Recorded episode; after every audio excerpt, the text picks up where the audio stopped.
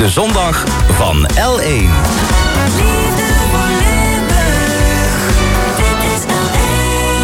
Het komende uur kunt u luisteren naar Stemmingmakers. Een serie lange interviews met markante en spraakmakende Limburgers. Vandaag met politicoloog Ron Boormans, voorzitter van het bestuur van de Hogeschool Rotterdam. Een gesprek over het belang van goed onderwijs, kansgelijkheid en collectiviteit. En over politici die zich bezondigen aan identiteitspolitiek, zijn jeugdjaren in Schinnen en het drama van de mijnsluiting. Stemmingmakers met Ron Boormans. Een programma van Fons Geraerts.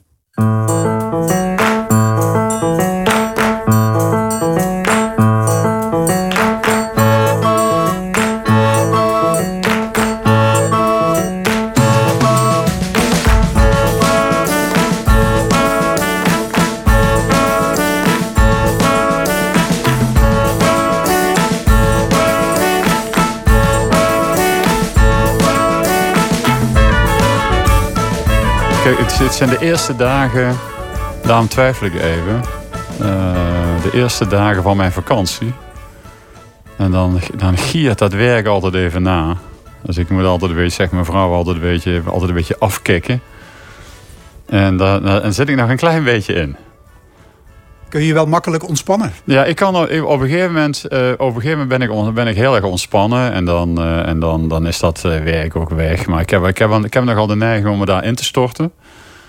En dat duurt het altijd even een paar dagen voordat ik in de, in de, in de, in de ontspanmodus ben. Als ik daar eenmaal in zit, dan is het... Oh, na een paar dagen ben je al kwijt? Ja, daar ben ik het kwijt. Ja. ja, daar ben ik het kwijt. Ja, zeker. Dus het is nu, wat is het, dinsdag geloof ik. Dus geef me nog één of twee dagen en dan ben ik de ontspanning zelf. En je wordt dit jaar 65. Dat is een jubileumgetal. Ja. Ja, zie je dat ook zo? Ja. Is het een goed moment om de balans op te maken? Uh, ja, ik meen, als dat, dat, dat doe je steeds vaker. Hè? Als je wat ouder wordt, kijk je toch uh, net, net wat meer terug. En ik weet niet of ik dat nu rond mijn 65 ga doen. Maar ik denk wel dat ik in de fase van het leven zit... dat je ook wel eens terugkijkt van uh, hoe, hoe, hoe zijn de dingen nu gegaan in het leven. Ja, zeker. Wat is je grootste prestatie in het leven? Mijn grootste prestatie, denk ik, is dat ik al heel lang met dezelfde vrouw ben. Is een hele leuke vrouw, hele goede vrouw. We hebben drie zonen. Ik geloof dat we een mooi gezin hebben. En dat is niet mijn prestatie. Dat is natuurlijk, dat is natuurlijk een, een collectieve prestatie. Maar daar ben ik wel trots op. Wat is het geheim van een goed en langdurig huwelijk? Ja, nou, nou ga je meteen wel heel erg diep, uh, Fons. Uh, uh, misschien dat je dat aan mijn vrouw, aan mijn vrouw moet vragen. Okay, okay. Dus nou ja, dit, dit, kijk, ik denk, dan, dan, dan kom ik toch wel heel snel in, in... Het is een kwestie van geven en nemen. Het is een kwestie van dat, dat, dat basisgevoel, hè, wat er gewoon is, wat altijd goed geweest is, wat je, wat je ook moet onderhouden.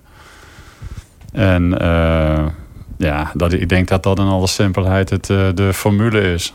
Maar ja, die werkt niet voor iedereen. Hè. Ik bedoel, er zit ook iets, er zit ook iets magisch aan, hè, dat je elkaar nog steeds hartstikke leuk vindt. En ik weet niet of daar een soort technocratische formule voor is. Dat is er misschien wel gewoon. Ron, je bent bestuursvoorzitter van de Hogeschool Rotterdam. Is dat werk dat je voldoening oplevert? Enorm, ja. Ja, ik, heb, ik vind dat echt, ik zeg altijd tegen mensen, dat is het, uh, uh, ook wat ik in Rotterdam doe. Dat vind ik altijd het, uh, ik noem dat altijd het hoogtepunt in mijn loopbaan. Ik doe dat met ontzettend veel plezier. En het geeft me ook voldoening, omdat je, nou, je bent toch eindverantwoordelijk voor een organisatie waar 4000 mensen werken. Er studeren meer dan 14.000 studenten. En ik bepaal niet elke dag de kwaliteit van het onderwijs wat mensen daar krijgen. Of het onderzoek wat we doen. Maar ik ben wel. Ik kan wel de, ik kan wel de condities helpen te verbeteren dat dat op een goede manier gebeurt. Dus je en, gaat iedere dag fluitend naar je werk? Nou ja, dat is ook wel een beetje overdreven. Maar, maar je bent wel, wel, een bevoorrecht mens? Ik, ben, ik voor mezelf ik ben een zeer bevoorrecht mens. Ja. Ik, heb een, ik heb een geweldige baan. Het is heel uh, bevredigend. Het is, ik vind het belangrijk werk. Ook om te staan voor zo'n maatschappelijke institutie. Ik vind zo'n hogeschool heel erg belangrijk in de samenleving. Er zijn ook heel veel andere organisaties die heel belangrijk zijn. Maar die vind ik gewoon echt extreem belangrijk. Dus ik ga, als ik het even plat mag zeggen, los van de dagelijkse gezeiks of zo, weet je wel, ga ik altijd met heel veel plezier naar mijn werk. Ja. En werk vind je sowieso belangrijk? Vind ik belangrijk, ja, zeker. Het houdt je van de straat? Ja, zeker. Ja. Ja, maar het geeft je ook, het geeft je ook een identiteit. het, het, het, het, geeft je ook, het, het geeft ook structuur in je leven. Hè? Het geeft ook gewoon een, een bepaalde ritmiek, ritmiek aan je leven. Hè? En zeker als je het soort werk doet wat ik doe, hoef je bijna niet na te denken wat je die dag gaat doen. Want die agenda die wordt maar dat gewoon. Dat lijkt een beetje op, op escapisme bijna. nou ja, dat weet ik niet. Uh, dat weet ik niet. Maar het, het, is wel, het heeft wel een heel erg comfortabele kant.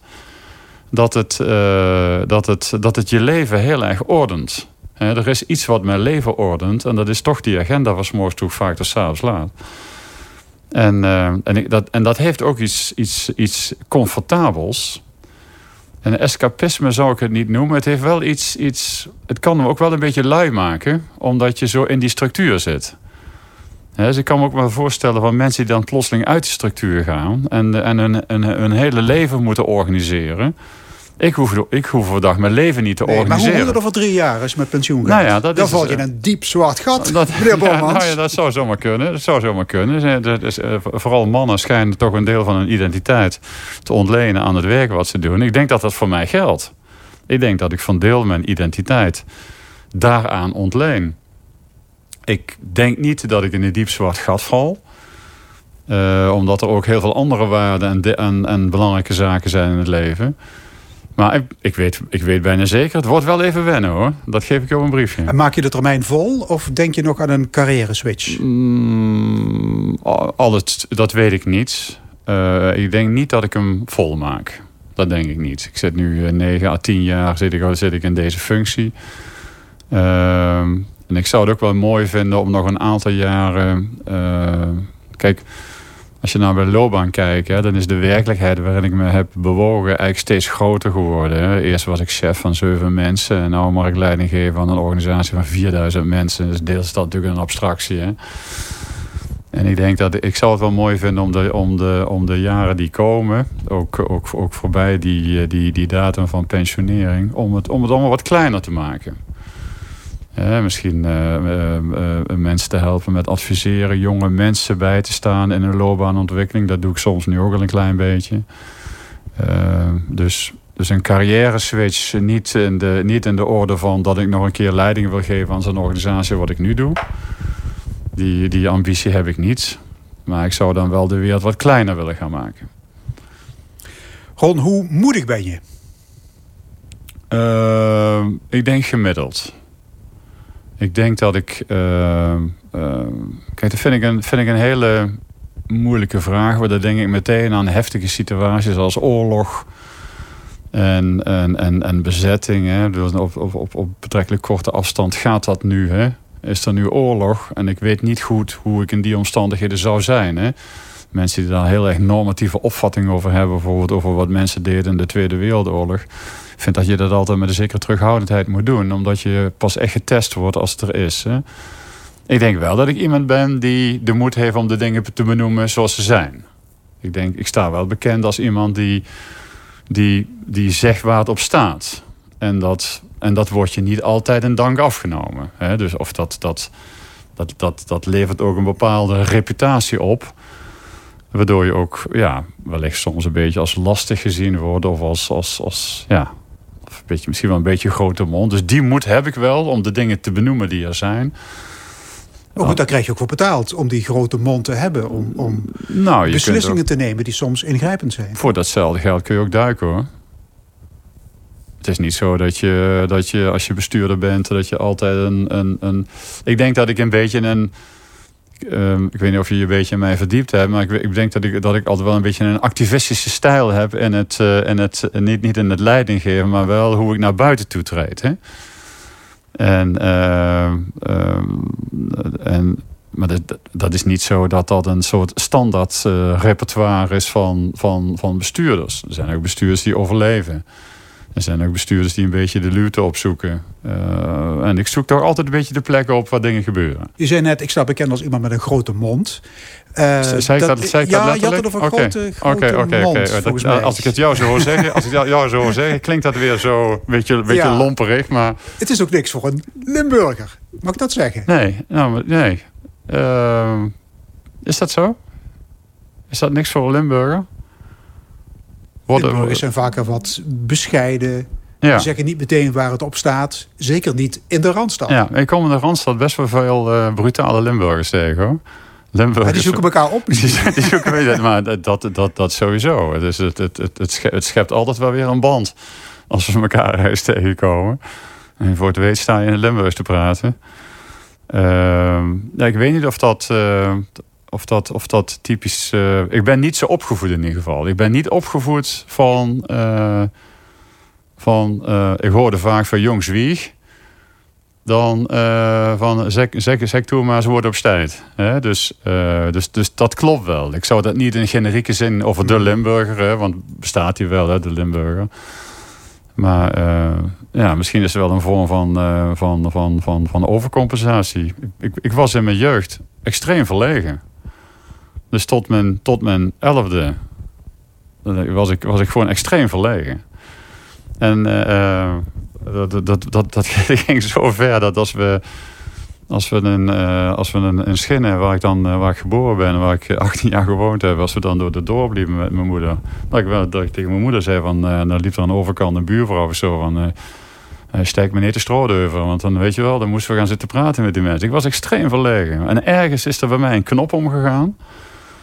En uh, is, er, is er dit uit voortgekomen. Is die, heb je die knop zelf omgezet? Ik, of wat ik is weet dat niet meer. Ik heb me dat vaak afgevraagd. Want het moet ergens zo uh, geweest zijn... Uh, zo de, de laatste jaren van de lagere school. In het begin, in het begin van, de, van het voortgezet onderwijs... of Sint-Jans College. Ergens moet die knop omgegaan zijn.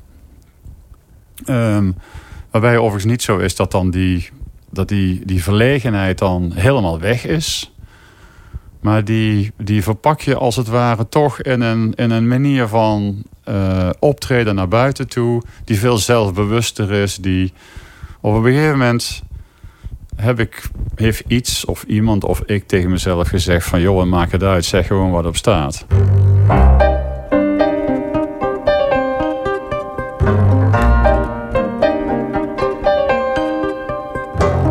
Schinnen, tegenwoordig gemeente Beekdalen.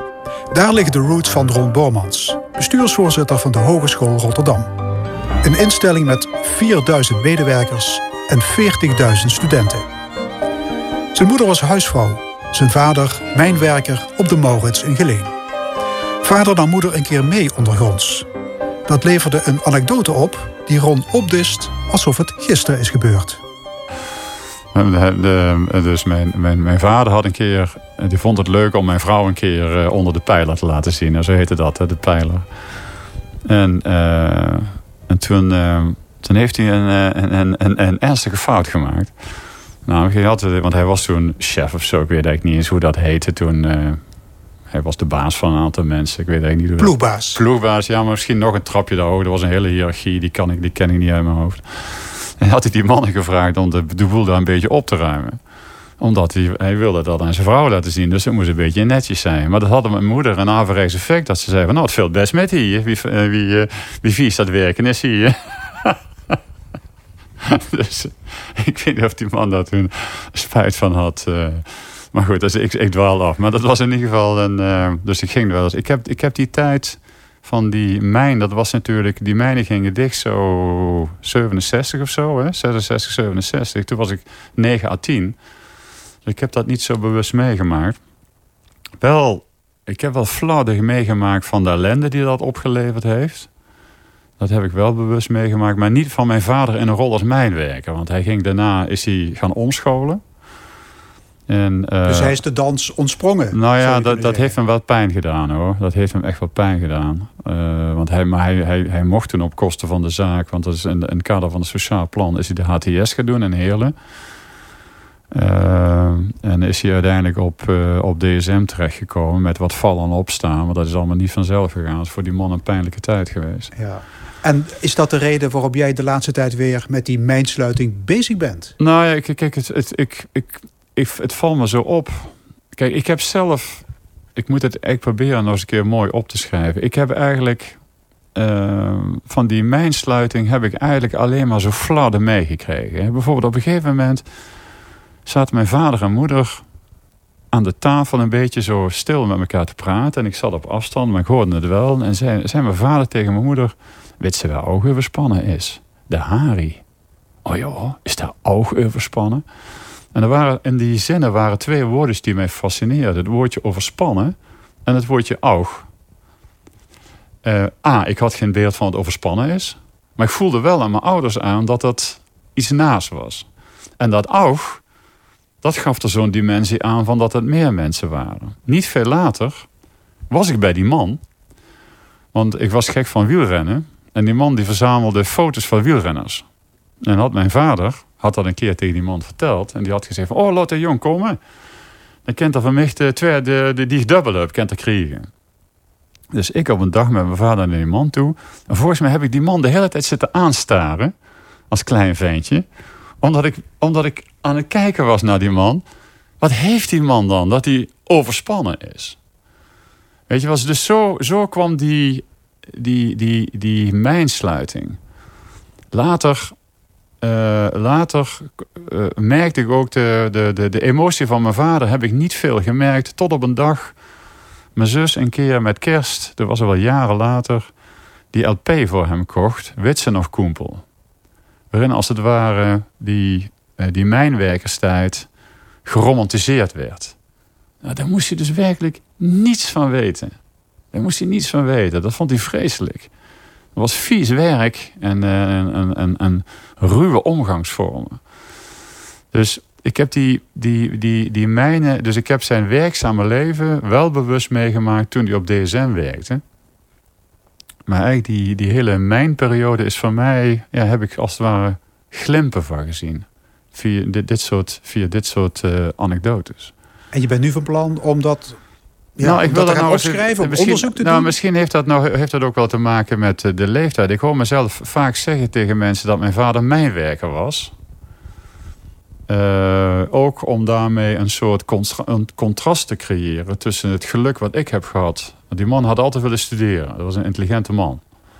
Mijn moeder overigens ook. Mijn moeder was een zeer intelligente vrouw. Maar ja, zo ging dat. Die moest gewoon thuis blijven. Dus ik, heb, ik ben gezegend met twee intelligente ouders.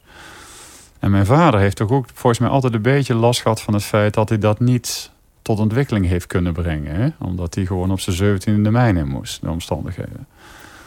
En ik hoor mezelf dan vaak zeggen, om ook een contrast te creëren van het geluk wat ik heb gehad dat ik kon studeren en hij moest mijnwerker zijn, stel ik mezelf vaak voor als iemand die de zoon is van een mijnwerker.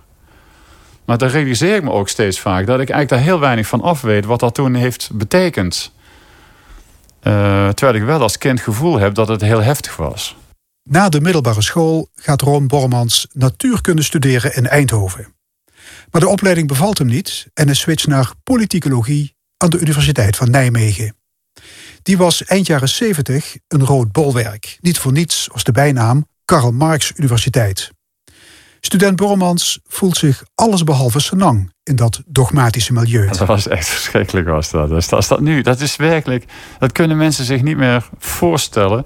Ik denk van als dat nu zou gebeuren, zou dat, uh, dat, uh, dat meldpunt van Thierry Baudet zou rood gloeiend staan.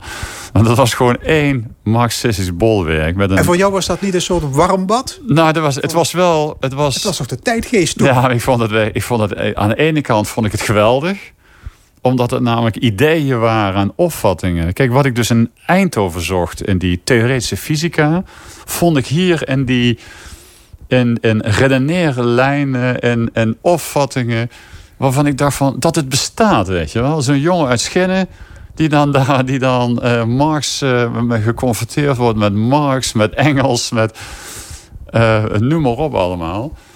Ehm, dat heeft een paar jaar geduurd. En toen, toen ben ik toch weer naar de nuchtere kant doorgeschakeld. Dus je bent wel meegezogen in die nou, marxistische nou, nee, maalstroom? Nee, nee want eigenlijk, uh, eigenlijk was het zo. Kijk, toen ik in Nijmegen daar ging studeren... toen had dat instituut politicologie een hele roerige geschiedenis achter de rug van bezettingen omdat uh, men vond, een bepaalde fractie vond... dat uh, de opleiding marxistisch moet worden. Dat is toen gepaard gegaan met een hele hoop ellende in de richting van hoogleraren. Zoals iemand als Hogewerf, die is naar Enschede gevlucht. Uh, omdat, die, uh, omdat die gewoon het leven zuur gemaakt werd. En ik kwam toen in de tijd dat dat, dat, dat Marxisten zich daar gevestigd had. En ik vond dat aan de ene kant vond ik dat erg interessant, maar ik vond het ook vanaf dag één beperkt. Ik ben nooit een Marxist geweest, of een, of een communist, of wat dan ook. Of een Leninist. En, want ik weet me nog heel goed dat we dan kregen we, die kregen we economie. En dat was dan Marxistische economie. Dat ik tegen aan die docent vroeg van... Uh, kunnen we ook een keer normale economie krijgen? En toen vroeg die docent aan mij... Ja, wat is dat dan? Ja, ik zei, ja, weet ik dat. Iets met vraag en aanbod of zo. Dat, dat was mijn niveau. Arnold Heertje. Ja, ja, precies. Nou ja, dat was natuurlijk, dat was natuurlijk niet de, bedoel, de bedoeling. Dus eigenlijk, de, degene die gewonnen hadden... die troffen een publiek aan. En ik was er een van de, van de woordvoerders van die daar eigenlijk helemaal geen zin meer in hadden. het was fantastisch. Het was een fantastische tijd in Nijmegen. Want het was niet alleen dat marxisme. Het was ook een tijd van de, van de vrouwenbeweging, de homobeweging, de kraakbeweging. En, dat is ook heel fascinerend, in een decor van een enorme jeugdwerkloosheid. Hè? Dus, eh, dus als, je, als je foto's van mij ziet in die tijd, allemaal van die, van die zwarte kleren aan, een beetje somber uit de ogen kijken, naar muziek luisteren, zoals uh, Joy Division en zo, noem maar op allemaal. Dat soort, weet je, weet je van die sombere, van de, de, de, van de, de Cure, weet je wel, dat soort, dat soort werk allemaal. Weet je, dat monotone, licht sombere muziek. Dus het was wel een hele, hele, een hele bijzondere tijd. Ja, en toch ben je nooit een Radikalinski geworden. Nooit. Je bent altijd de man van het midden gebleven. Ja, ja. Tot op de dag van vandaag. Ja, nou ja, het midden, het midden. Ik, ik denk, ik, ik ben, uh, ik ben geen, ik denk, ik vind dat we een beetje beschaafd met elkaar om moeten gaan. Ik denk dat ik een hart en nier en een sociaaldemocraat ben. Ik voel me alleen niet meer thuis bij de partijen in Nederland die de sociaaldemocratie uh, uh, prediken. Maar ik vind dat je een beetje als samenleving moet je een beetje beschaafd met elkaar omgaan. Je inkomens moet je een beetje netjes uh, regelen. Ook, ook vermogens, wat nu, wat nu de grote ongelijkheid is ongelijkmaker is. Ik heb me in, in mijn, mijn hogeschool altijd druk gemaakt over studiesucces. En dat verschillende categorieën studenten meer moeite hebben om, om te slagen dan andere categorieën studenten. Dus die, ik, heb wel, ik heb altijd wel gevoel gehad voor dat, voor dat gelijkheidsdenken. Niet op een radicale manier, maar op een, ik noem dat dan toch maar even, niet zonder te verwijzen naar een politieke partij, maar op een sociaal-democratische manier. En daar voel ik me toen al bij thuis en voel ik me nog steeds bij thuis. Wat is jouw allereerste politieke herinnering? Uh, nou ja, dat is dan denk ik toch... Uh, nou nee, mijn allereerste politieke herinnering is Joop den Uyl. En, uh, en, en ook het puberale gedrag van mij... om gek van die man te zijn. In de wetenschap dat mijn vader een bloedhekel had aan Joop den Uyl. Maar Joop den Uyl Daarom deed je het misschien? Daarom deed ik het niet misschien. Daarom deed ik het gewoon. Daarom noem ik het puberaal. Uh, want Joop de Uyl was degene die in de Schouwburg en Heerlen... Met die, met die geweldige scène dat de hele top van de mijn op dat podium zat... afkondigde dat de mijnen gingen sluiten. Dus Joop de Uyl was niet bepaald uh, een held in, uh, in Huizen Bormans. Maar ik weet wel dat, dat, dat, dat, dat ik daar wel... Ik, had er iets mee. Dat vond ik een, dat vond ik een frisse man. Die ging kamperen. Die, die, die leek alles te weten. Die, dus dat, dat is eigenlijk mijn eerste politieke... Ja, mijn eerste politieke sensitiviteit. Met een puberaal randje omdat ik hem ook een beetje gekoesterd heb om mijn vader te plagen. Ik bedoel, ik, ik ben ook maar een mens. Ik ben ook puber geweest. En vond die man vreselijk. Op, uh, op, uh, op, uh, op Joop de Nijl stemmen.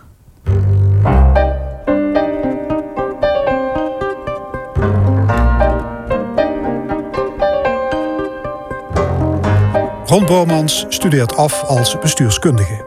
Per toeval krijgt hij een baan bij het ministerie van Onderwijs. Hij zegt daarover: Wat begon als een verstandshuwelijk is uitgelopen op een passionele relatie. De onderwijssector vindt hij extreem belangrijk voor de ontplooiing en zelfverheffing van jonge mensen.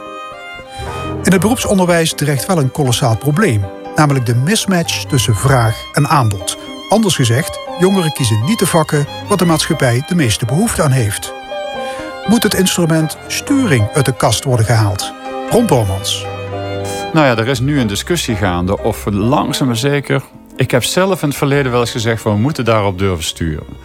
Als je kijkt naar zeg maar de hele workforce in Nederland, wat de belangrijkste strategische variabele is, kijk maar eens naar al die, al die tekorten, is de belangrijkste strategische variabele, of economisch, cultureel, maatschappelijk. Die laten we, dat is het gevolg van het collectieve keuzeproces van 17, 18-jarigen. Die met elkaar bepalen de belangrijkste variabelen die wij maatschappelijk kennen, namelijk de samenstelling van onze workforce. Nou, daar zit een hele belangrijke waarde achter, namelijk individuele keuzevrijheid. Jij wilde ooit een studie journalistiek gaan doen. Ik wilde ooit een keer, zij het niet echt doordacht, politicologie gaan doen. Dat is een groot goed. Maar langzaam zeker begint er wel spanning ontstaan. En net toevallig een paar dagen geleden is een rapport verschenen van een aantal topambtenaren die zeggen van moeten we dat niet wat meer gaan sturen. Uh, moeten we niet wat meer uh, bijvoorbeeld uh, opleidingen die een, een enorm belangrijk arbeidsmarkteffect hebben, moeten we die niet goedkoper gaan maken doordat je dan de economische knop gaat draaien. Zo is een vrij naïeve gedachte dat dan de samenleving samen met die knop daar naartoe beweegt, maar even strikt terzijde. Maar die, daaraan merk je wel dat het besef aan het door, dooraandringen is dat, dat die belangrijke waarde van die keuzevrijheid ons wel uh, het risico gaat, met zich mee gaat brengen van een zorginfarct, van een stagnerende klimaattransitie. Uh, van, uh, van, een, van een stagnerende energietransitie. Noem maar op. Hè? van, van, van de tekorten op scholen, de leraartekort wat uit de hand loopt. Dus en vanuit dat perspectief heb ik wel eens een pleidooi gehouden, maar ik sta daar vrij alleen in, moet ik zeggen. En ik snap ook wel de tegenargumenten. Moeten we dan dat hele, die, bijvoorbeeld die economische opleiding, moeten we niet met z'n allen proberen die wat kleiner te laten worden? Uh, maar dat vinden mensen moeilijk. Dat is een, dat is dus een, een inperking van de keuzevrijheid. Bijvoorbeeld, dat is een inperking van de keuzevrijheid. En dat begrijp ik ook wel. Maar dat is een, dat is een, dat is een, dat is een vraagstuk met een enorme gelaagdheid. Want uh, ik denk van als je dat zou doen, dat er nog zat keuzemogelijkheden zijn. Uh, voor, voor, mensen, voor jonge mensen om dingen te doen die ze zelf wel interessant vinden. En heel vreemd is dat niet, het inperken van de capaciteit. In de gezondheidszorg aan de wetenschappelijke kant doen we dat al sinds mensenheugnis. Uh, bij ons in het kunstvakonderwijs laten wij maar een beperkt aantal mensen toe. Omdat we denken dat de samenleving niet meer behoefte heeft aan x mensen met die opleiding. Dus het is helemaal geen rare gedachte. Uh, en ik denk in die, in, die, in die tijd dat jij journalistiek ging studeren... kon niet iedereen zomaar journalistiek gaan studeren. Moest je of geselecteerd worden of er werd, werd gelood. Als je vroeger naar de sociale academie ging... dat was een selectie. Dus dat zijn we, we dat, het is ook wel weer een uitdrukking van dat spanningsveld... van die individualiteit en die collectiviteit. Hè? Dat is ook een thema wat me heel erg bezighoudt. Niet alleen vanuit identiteit redenerend. Maar we zijn de individuele keuze zo belangrijk gaan vinden. Het, het, het individuele recht om te mogen doen wat je wil zijn. Dat het als het ware, dat het, dat het, dat het, het, het collectieve argumentatiepatroon heel erg aan de kant geduurd heeft. Terwijl uiteindelijk het collectieve ook heel erg belangrijk is voor jouw individueel geluk. Uh, uh, heel simpel. Als wij straks. In, ik ben van een bepaalde leeftijd.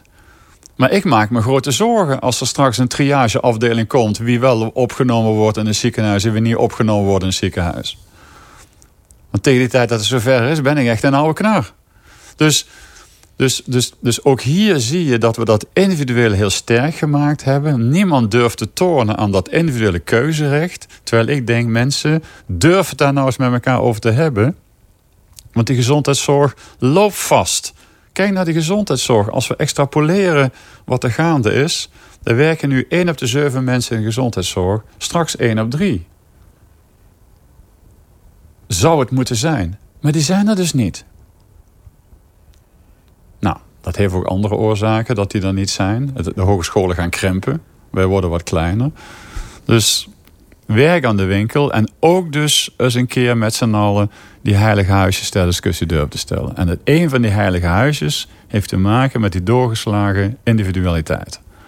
Goed, je had het net over triage. Dat brengt me even op een ander punt. Uh, dik twee jaar zaten de studenten thuis, kregen ze digitaal les. Hoe stevig hebben die lockdowns erin gehakt? Nou, ik denk, ik denk behoorlijk stevig. Uh, we zien, nou, we hebben allerlei studies gehad van, van, van gevoelens van somberheid voor jonge mensen. Ehm, eh, ik, denk dat dat, ik denk dat dat een effect heeft gehad. Kijk, zo'n zo'n zo'n hogeschool, een school van voortgezet onderwijs... dat is ook gewoon een opvoedinstituut. Ehm, dat is ook een. Uh, uh, dus dat heeft op twee manieren ingehakt. Enerzijds de somberheid, dus de, de, de, de jonge mensen die niet hun leven hebben kunnen ontplooien zoals ze dat wilden. Ga eens even terug naar de tijd dat je zelf 18, 19 jaar was. Het, het, het, fascinerende van die gekkigheid van dat marxisme... dat was allemaal een uitdrukking van het feit dat ik mijn wereld groter wilde maken. Ik, ben gek, ik was gek op dat dorp Schinnen. Ik zal dat nooit verloochenen. Het was mijn dorp. Maar ik vond het ook mooi om de wereld groter te maken. En die jonge mensen van de afgelopen jaren... die willen natuurlijk ook hun wereld groter maken. Maar die zijn gedwongen geweest om extreem klein te maken. Dus op het moment dat je hem groter wil maken... word je gedwongen om kleiner te laten zijn. Dat heeft de gevoelens van somberheid opgeleverd. Maar je merkt ook dat het ook een, uh, iets gedaan heeft met de binding die ze hebben met instituties als een hogeschool of gewoon een, of, of, of gewoon een school. Ik merk dat, uh, dat uh, studenten veel minder vaak naar het college komen. Dat geldt niet alleen bij ons in Rotterdam op de hogeschool, geldt voor universiteiten ook. Veel moeilijker te, te motiveren. Maar hoe kan dat wat je zo denken? Van dat ze blij zijn dat, ze dat, college kunnen? Maar dat is, dat is, dat is, precies, weer dat, dat is precies weer dat contraire. Dus, dus in die coronatijd was er een extreem verlangen naar de school was ik fantastisch. Ook, ook, ook hoe, hoe, men, hoe dat instituut hogeschool, hoe dat instituut school zijn, zijn waardering kreeg, zijn herwaardering kreeg. Het, een, een school waar jonge mensen graag een beetje puberaal flauw over doen. Oh, oh, de school, dit en dat. Dat was toen van ik wil naar school. Omdat men die, die, die sociale inbedding die die school biedt, heel erg miste. Maar nu man twee, tweeënhalf jaar in, dat, in, dat, in die nare tijd heeft gezeten van uh, opschalen van de lessen, afschalen van de lessen, fysiek, online. Merk je dat die band uh, wat moeilijker geworden is. We hebben op, op, weg naar de zomer met elkaar gesproken. We moeten niet alleen de introducties organiseren voor de eerstejaarsstudenten. We moeten introducties uh, organiseren voor de tweedejaarsstudenten. We moeten introducties organiseren voor de derdejaarsstudenten. Ook om de normen en waarden nog eens te communiceren. Van hoe doe je dat op zo'n school? Wat betekent het op zo'n school zitten? Enzovoort, enzovoort. Dus het heeft heel veel gedaan. En ik zou het ook vreselijk vinden als het in het najaar weer zou gaan gebeuren. Want dan heb je een generatie van jonge mensen... die drie jaar lang de drie vormde jaren van hun leven de, de, de, de, de, de, de, de bindende, de verbindende en de lerende context van zijn school gemist hebben. Want een school, dat is ook een, een, dat is een entiteit, een gemeenschap waar je ook buiten het klaslokaal een hele hoop leert. En mensen ontmoet. En nieuwe, uh, nieuwe wegen inslaat in je leven. Ja, en dat kon dus allemaal niet. Dus in feite was er sprake van een tweede pandemie. Van stress, van onzekerheid, ja, waarvan ik vind, waarvan ik vind dat we te weinig aandacht voor gehad hebben. En, uh, dat vind ik echt. Ik vind dus dat, die jonge generatie is aan zijn lot overgelaten? Vind, ja, ik vind... Nou, we hebben erg ons best gedaan uh, op de hogeschool. Ook, ook uh, alle mensen, docenten, hebben gewoon keihard zien werken om naast die jonge mensen te staan. Dus daar, daar, daar ben ik extreem trots op. We hebben, dat, we hebben er een prachtige film van gemaakt. hoe, die, hoe die tijd beleefd is. Geweldig. Alleen als samenleving ik vind niet dat we als samenleving de solidariteit getoond hebben met die jonge generatie. En het ging altijd over de, ging altijd over de kwetsbare groepen, namelijk mijn leeftijdscategorie en ouder. En het ging altijd over iets klinisch al van de zorg moet niet overbelast raken. Wat, wat, wat, wat jonge mensen heel moeilijk vonden, want zij werden niet ziek. En we hebben ze wel gecompenseerd, maar ja, ik bedoel, uh, uh, niet, niet op een zodanige... Ik vraag me af, als de, als de jonge man of jonge vrouw... die nu 20, 21, 22 jaar is... Als die in zo'n radioprogramma met jou zit. Met je opvolger tegen die tijd. En die journalist stelt dan de vraag van... Voelde je toen de steun en de warmte van de samenleving? Voelde je dat die samenleving naast je stond? Dan denk ik dat de meesten zeggen het antwoord is nee. Tjeu Smeets, directeur van de GGD in Zuidoost-Brabant. Ron ken ik uh, nou, meer dan 60 jaar waarschijnlijk inmiddels. Uh, wij zijn samen opgegroeid, uh, woonden in dezelfde straat, dezelfde lagere school. nou, veel samen meegemaakt en nog steeds contact. En u kwam ook veel bij de familie Bormans over de vloer? Ja, ja heel veel. Hij bij ons en ik bij hen. Ja. ja. en in dezelfde klas ja. van de lagere school. Klopt. Uh, daar zaten 48 kinderen, hè? Ja, ja de, de eerste klas, jongens, was 48 kinderen. En hij was de slimste? Hij was de slimste, ja, hij was de slimste. Uh, als je dat nu achteraf terugkijkt, zonder meer. Ja, wat hebben jullie gedaan vroeger? Of beter gezegd, uitgespookt? Ja, wij, hadden, uh, wij waren natuurlijk altijd buiten. En ehm, het mooie was van de plek waar we woonden, Oude Markt in Schinnen was allemaal groen. Dat was de vijver. Dus uh, wij zaten of op het water uh, of vielen in het water. Klommen in bomen, uh, groeven kuilen. zakten weg in het moeras. ja, de, de omgeving was niet veilig voor ons. En later samen met z'n tweeën op vakantie? Ja, dat was, um, dat was een mooie periode. toen we mochten, met 17 en later 18 jaar zeker dat eerste jaar. Zijn broer uh, was uh, twee jaar ouder en die uh, huurde een auto. En wij met z'n vieren naar Zuid-Frankrijk. Nou ja, alleen dat avontuur al, dat, dat, dat je dat samen beleeft... daar zal hij ongetwijfeld ook nog goede herinneringen aan hebben. En u bent nu ongeveer, denk ik, zo'n allerlaatste navelstreng met Limburg. Ja, daar lijkt het wel een beetje op. Uh, zijn ouders zijn begraven in Schinnen. Uh, als ik daar op dat kerkhof kom, maak ik ook wel eens een foto, stuur ik het hem door als herinnering. We gaan ook een enkele keer lopen in Schinnen, maar voor de rest heeft hij niet echt uh, ja, veel familie of zo waar hij uh, volgens mij contact mee heeft. Wat is jullie favoriete gespreksonderwerp? Ja, eigenlijk ons, ons verleden, hè? wat we mee hebben gemaakt. maar ook hoe we tegen de wereld aankijken Werk uh, laten we pro proberen we niet uh, over te hebben, want uh, dat is ook zo verschillend en toch ook soms gelijk. Um, nee, het gaat over van alles en nog wat. Hoe zou u hem willen typeren in een aantal steekwoorden? Um, hij is intelligent. Hij, is, hij heeft flair. dus hij is niet alleen even een hoog IQ naar mijn gevoel, maar ook een hoog EQ kan heel goed met mensen overweg. Uh, uh, pakt mensen in. Uh, maakt, het maakt hem ook helemaal niet uit of dat de koningin is, bij wijze van spreken.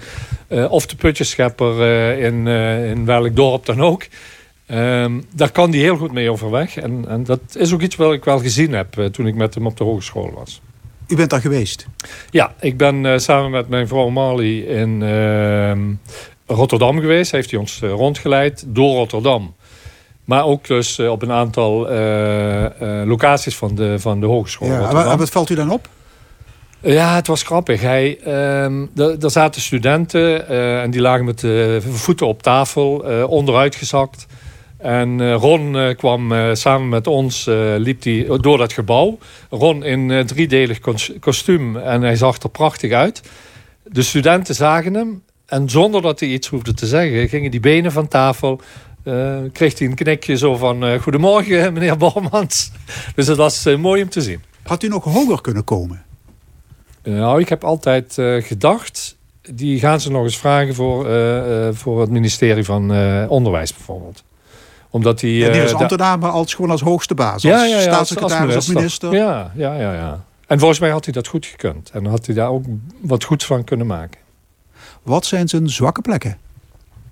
Ja, hij, uh, heeft uh, weinig geduld. Hij is uh, vreselijk eigenwijs. En hij kan enorm uit zijn slof schieten als iets niet loopt zoals het moet lopen. Ja.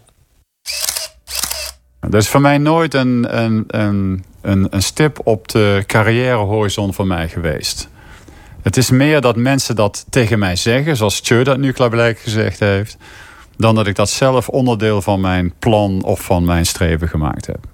Ik, heb, ik ben zelf. Ik weet wat het is, hè. Ik heb een, weliswaar een andere tijd, maar ik heb drie ministers gediend, hè. Van heel dichtbij, hè. Dat is een hondenbaan, hoor. Ron, even terug naar iets waar je het in het begin al over had. Ehm, in 2018 schreef je een opiniestuk in de NRC... met als strekking... politici hou eens op met het bedrijven van identiteitspolitiek. Want dat leidt tot uitsluiting van andersdenkenden. Leg dat eens uit. Nou ja, kijk, het, uh, uh, wat, wat mij toen op neer, wat, wat op neerkwam, dat artikel, was eigenlijk dat we zodanig bezig zijn met het, uh, met het, met het bevorderen dat mensen hun eigen identiteit benadrukken, etaleren, tonen, wat dan ook. Dat we, dat we ogen niet meer op die andere bal hebben, namelijk de collectiviteit. Dus dat artikel dat ging ook van er is heel veel aandacht voor ik, ik, ik, ik en nauwelijks nog aandacht voor het wij. En uh, het heel erg versterken van de aandacht van je eigen individualiteit heeft ook, een, heeft ook altijd een excluderend effect. Hè? Inclusie en exclusie zijn heel nauw met elkaar verweven. Als ik mijn eigen identiteit heel sterk benadruk, dan creëer ik ook een distantie ten opzichte van jou. En als jij je identiteit... Maar moet je als politieke partij niet juist je identiteit benadrukken? Ja. Je, je noemt als voorbeeld in dat stuk D66, dat hamert op, uh, op Europa. Terwijl, ik citeer, Europa voor veel mensen staat voor alles wat fout is. Ja. Ja. Maar je kunt je pro-Europese uh, gedachten toch niet verdonkeren nou, Dat is toch nee, een van je speerpunten nee, van de dat, dat hoeft ook niet. Je kunt, je, kunt, je, kunt die, je kunt die politieke opvatting hebben. Maar waar, waar mijn artikel meer over ging... is dat er achter die politieke opvattingen... ook heel vaak een soort cultureel positiebepaling schuil gaat. Hè? De partij die je noemt is heel erg, uh, zeg maar, cosmopolitisch van aard. Nou, dat heeft ook een hele randstedelijke misschien zelfs wel grachtengordelachtige culturele connotatie. En, uh, en, en, en heel vaak ook nog een keer beleden door de mensen die de, de winnaars zijn van de globalisering. En wat ik steeds probeer te benadrukken, dat zie je nu ook in de hele discussie rondom die boeren. dus daar zie je ook weer, dat, dat, daar zit ook een identiteitsrandje aan. Zowel van de kant van de mensen die, zeg maar, de, die, die het stikstofbeleid formuleren. Wat ik overigens, ik ben natuurkundige, volkomen terecht vind. Oh, nou, gesezen natuurkundige, sorry. Maar ik snap ook wel die boeren die, uh, die zich zorgen maken dat ze hun identiteit kwijtraken. En waar is nog het verbindende mechanisme? Wat Pieter Omtzigt noemde het sociale contract. Waar is nog datgene? Uh, en ik, ik vind dus op het moment dat je dieper de samenleving een bepaalde identiteit in wil duwen, of een deel van de samenleving, of je eigen identiteit wil etaleren, vind ik ook dat politici de plicht hebben om steeds weer na te denken over het collectieve. Dat wordt steeds moeilijker voor ze, omdat het hele politieke speelveld ook gefragmenteerd mhm. raakt. Hè? Dus het hele idee van de brede volkspartij, waar inherent dat collectieve in zat, dat is niet meer. Dus dat betekent dat we het moeten doen zonder de verbindende mechanismen. Dus de individualisering schaadt de collectivisering.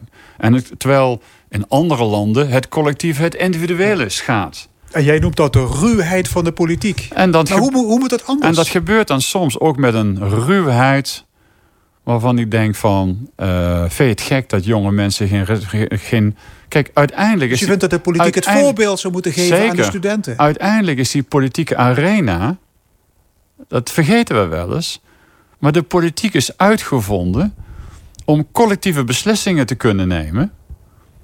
En niet om een soort theater te zijn waar iedereen, maar met, maar met ruwe bewoordingen, de andere voor rotte vis uitmaakt, of belachelijk maakt, of claimt om zijn eigen identiteit te mogen etaleren.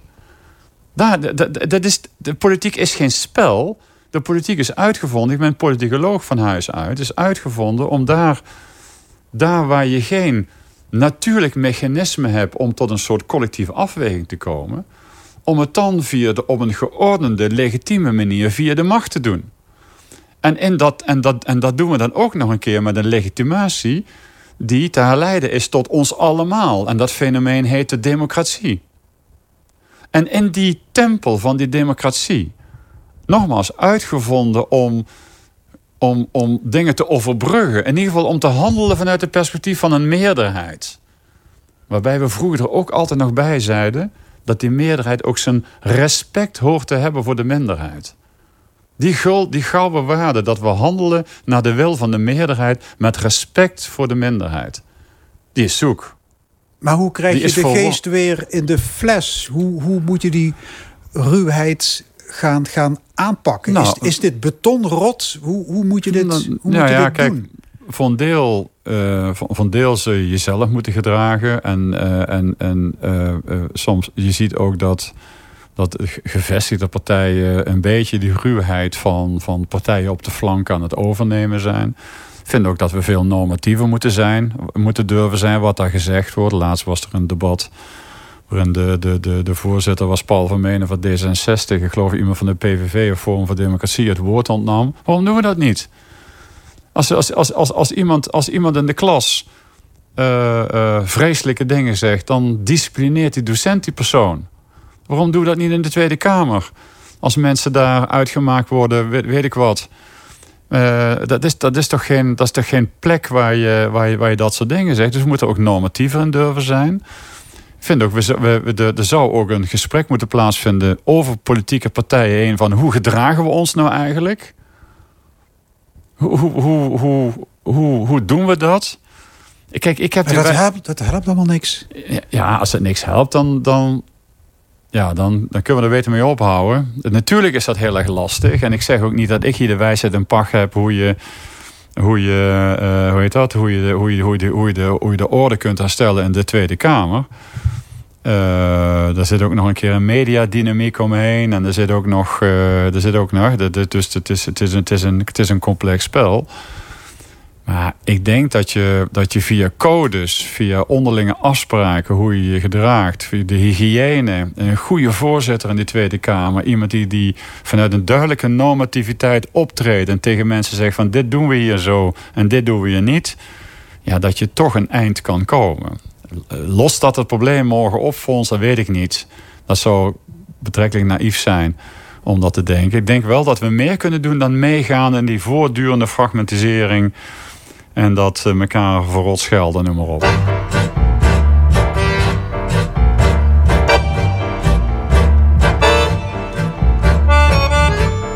Een paar jaar geleden was je even terug in, uh, in Schinnen. En je ging naar een café, je gaf daar een rondje. En toen zei iemand tegen je, doe best angst geworden. Ja, doe best een echte Hollander, doen Wat, wat zat achter die opmerking? Nou ja, ik vond het eigenlijk best wel pijnlijk.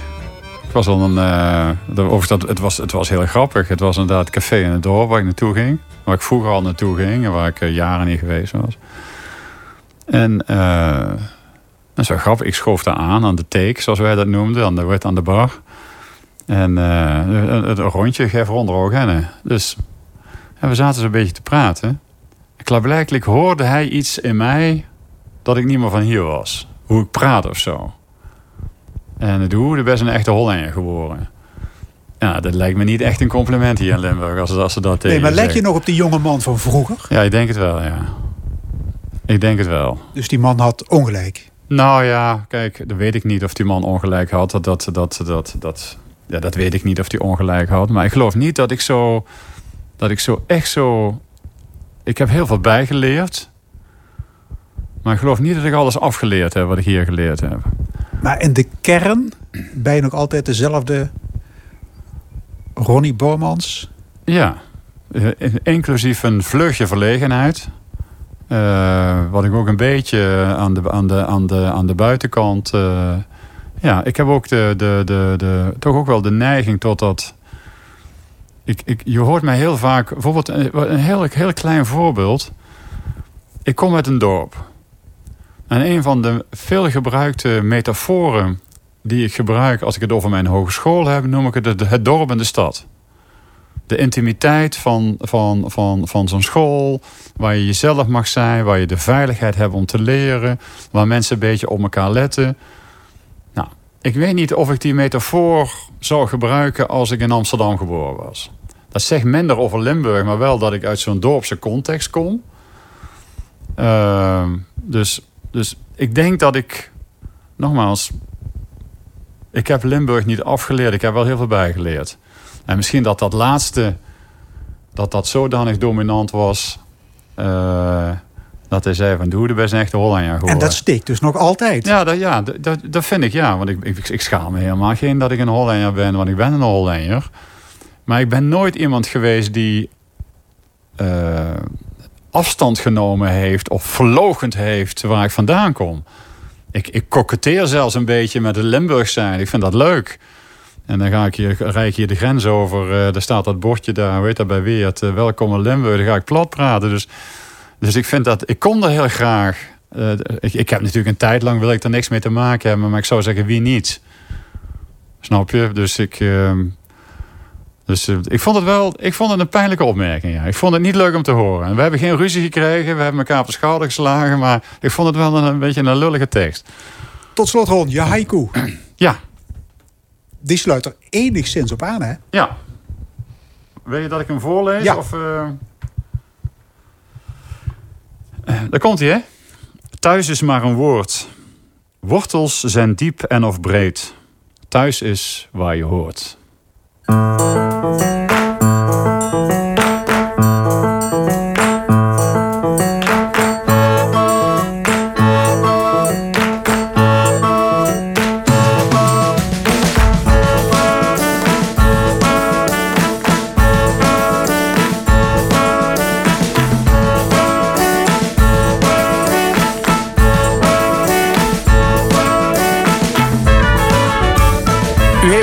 Naar Stemmingmakers.